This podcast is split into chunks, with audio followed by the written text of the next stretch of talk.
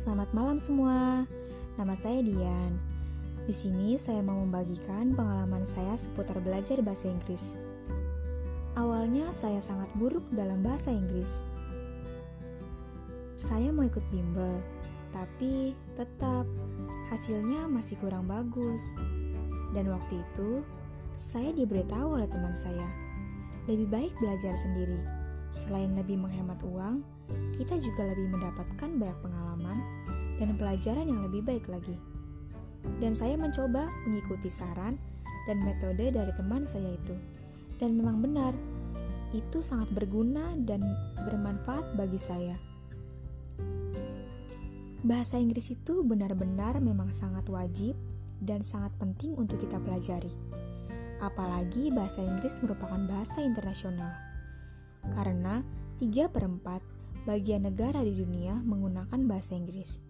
Jadi, bahasa Inggris merupakan bahasa yang penting.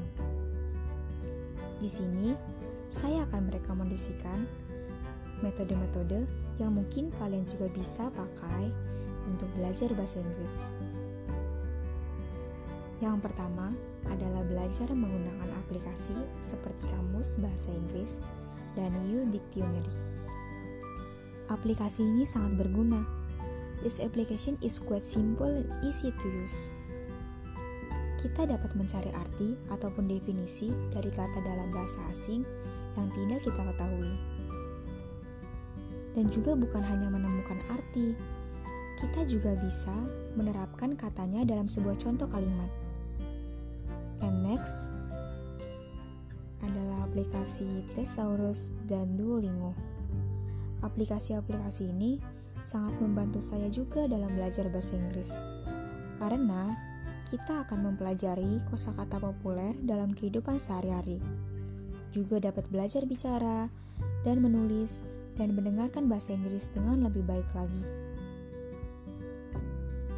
Dan yang kedua adalah menggunakan metode audiobox atau mendengarkan sambil ikut membaca audiobox.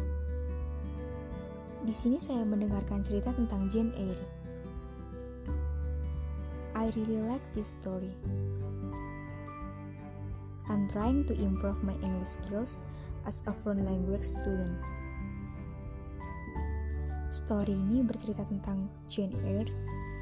Ia adalah seorang anak yatim piatu yang tiba di kota Thornfield Hall. Dia tertarik dengan majikannya yang bernama Eric Rochester. Semuanya tampak beda ketika ia menemukan rahasia yang mengerikan. Metode cerita ini cukup membantu saya dalam menghadapi bahasa Inggris saya yang memang kurang baik. Untuk mendapatkan hasil yang lebih baik, cobalah untuk terus mencobanya berulang-ulang.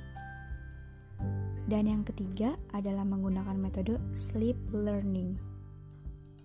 Caranya yaitu kita akan mendengarkan sleep learning selama kurang lebih 45 menit dengan posisi tidur. I slept for 45 minutes with this, and I woke up speaking English only for like 20 seconds. I remember speaking English in my dream. For the first time, it worked. Dan itu benar-benar bekerja. Mungkin akan ada ketika kalian tidur dan kalian akan bermimpi menggunakan bahasa Inggris. Ketika kalian bangun, kalian akan mengingat dan mengulang perkataan yang sudah kalian mimpikan tadi. Cobalah untuk melakukannya berulang kali. Berulang kali dan berulang kali agar dapat pemahaman yang lebih baik lagi. Demikian adalah cara-cara yang dapat kalian gunakan. Semoga bermanfaat dan berhasil untuk kalian semua. Thank you guys for listening to my podcast. Kurang lebihnya mohon maaf. Selamat malam.